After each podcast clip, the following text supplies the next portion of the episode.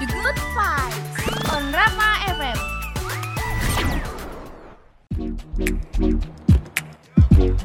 FM. Rapma FM The first entertainment channel in Solo. Halo Kampus Brainers Di sore hari ini kamu bakal ditemenin nih bareng Salma dan juga Faza di program Good Vibe sore hari ini. Wah, Faza gimana nih kabarnya? Baik Sal, pokoknya tetap semangat terus meskipun PPKM diperpanjang. Nah apalagi suasana itu kali ini yang mungkin sebagian besar dari kita semua tidak bisa berjumpa. Biasanya kan bakar-bakar sate sama teman-teman ataupun keluarga. Tapi sekarang tidak bisa demi kebaikan bersama.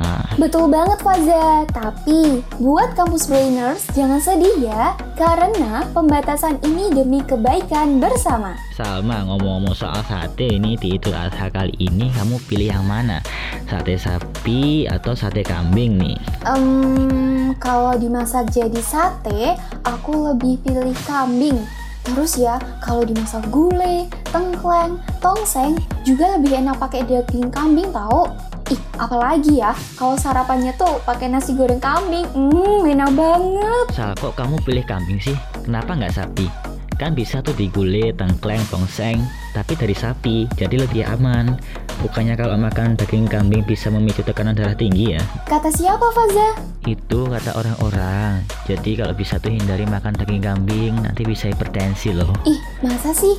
Daging kambing itu enak banget loh dan menyehatkan jika diolah dengan cara yang tepat. Emang kandungan dari daging kambing apa aja sih Sal? Kasih tahu dong. Jadi, daging kambing mengandung banyak nutrisi yang dibutuhkan oleh tubuh seperti protein, zat besi, kalium, zinc, kalsium, lemak, selenium, fosfor, folat, serta vitamin K, vitamin B, dan vitamin E. Tuh kan banyak banget kandungan dari daging kambing. Tapi sal, daging kambing kan juga mengandung lemak jenuh yang jika dikonsumsi berlebihan bisa meningkatkan kadar kolesterol jahat loh pada tubuh. Betul. Nah, kampus brainers perlu digarisbawahi ya jika dikonsumsi dengan jumlah yang berlebihan.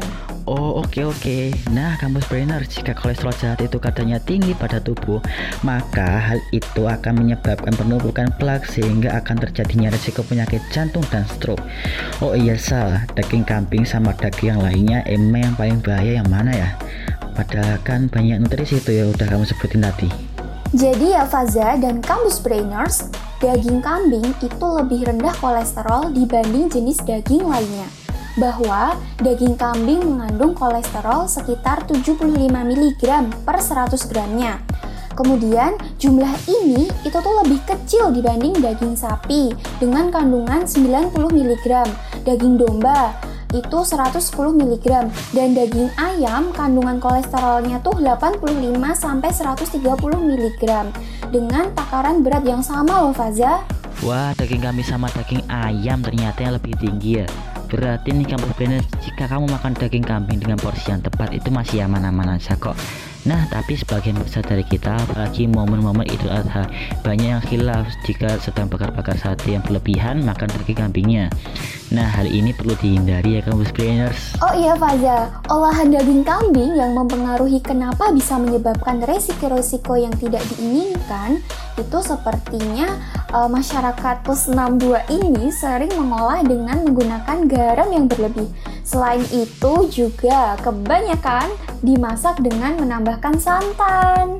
Kampus brainer jadi penggunaan garam dan santan yang bikin tekanan darah tinggi loh. Hmm, Faza, Faza kasih rekomendasi dong buat kampus brainers gimana biar aman konsumsi daging kambing dan uh, tidak menyebabkan uh, darah tinggi. Oke, jadi yang pertama, jika ingin konsumsi daging kambing demi kesehatan, maka buang bagian lemak yang menempel pada daging kambing. Kemudian gunakan garam secukupnya. Nih kampus Benes, aku kasih info nih ya. Batas konsumsi garam harian adalah 5 gram atau setara dengan satu sendok teh. Wah, mantep banget Faza. Nah, kemudian kampus brainers, ketika konsumsi daging kambing itu uh, tentunya juga jangan lupa untuk mengonsumsi sayur-sayuran ya. Nah, kan kalau pas bakar-bakar sate, pada makan sayur juga nggak nih? Waduh, aku nggak pernah sal, jadi nyesel sih.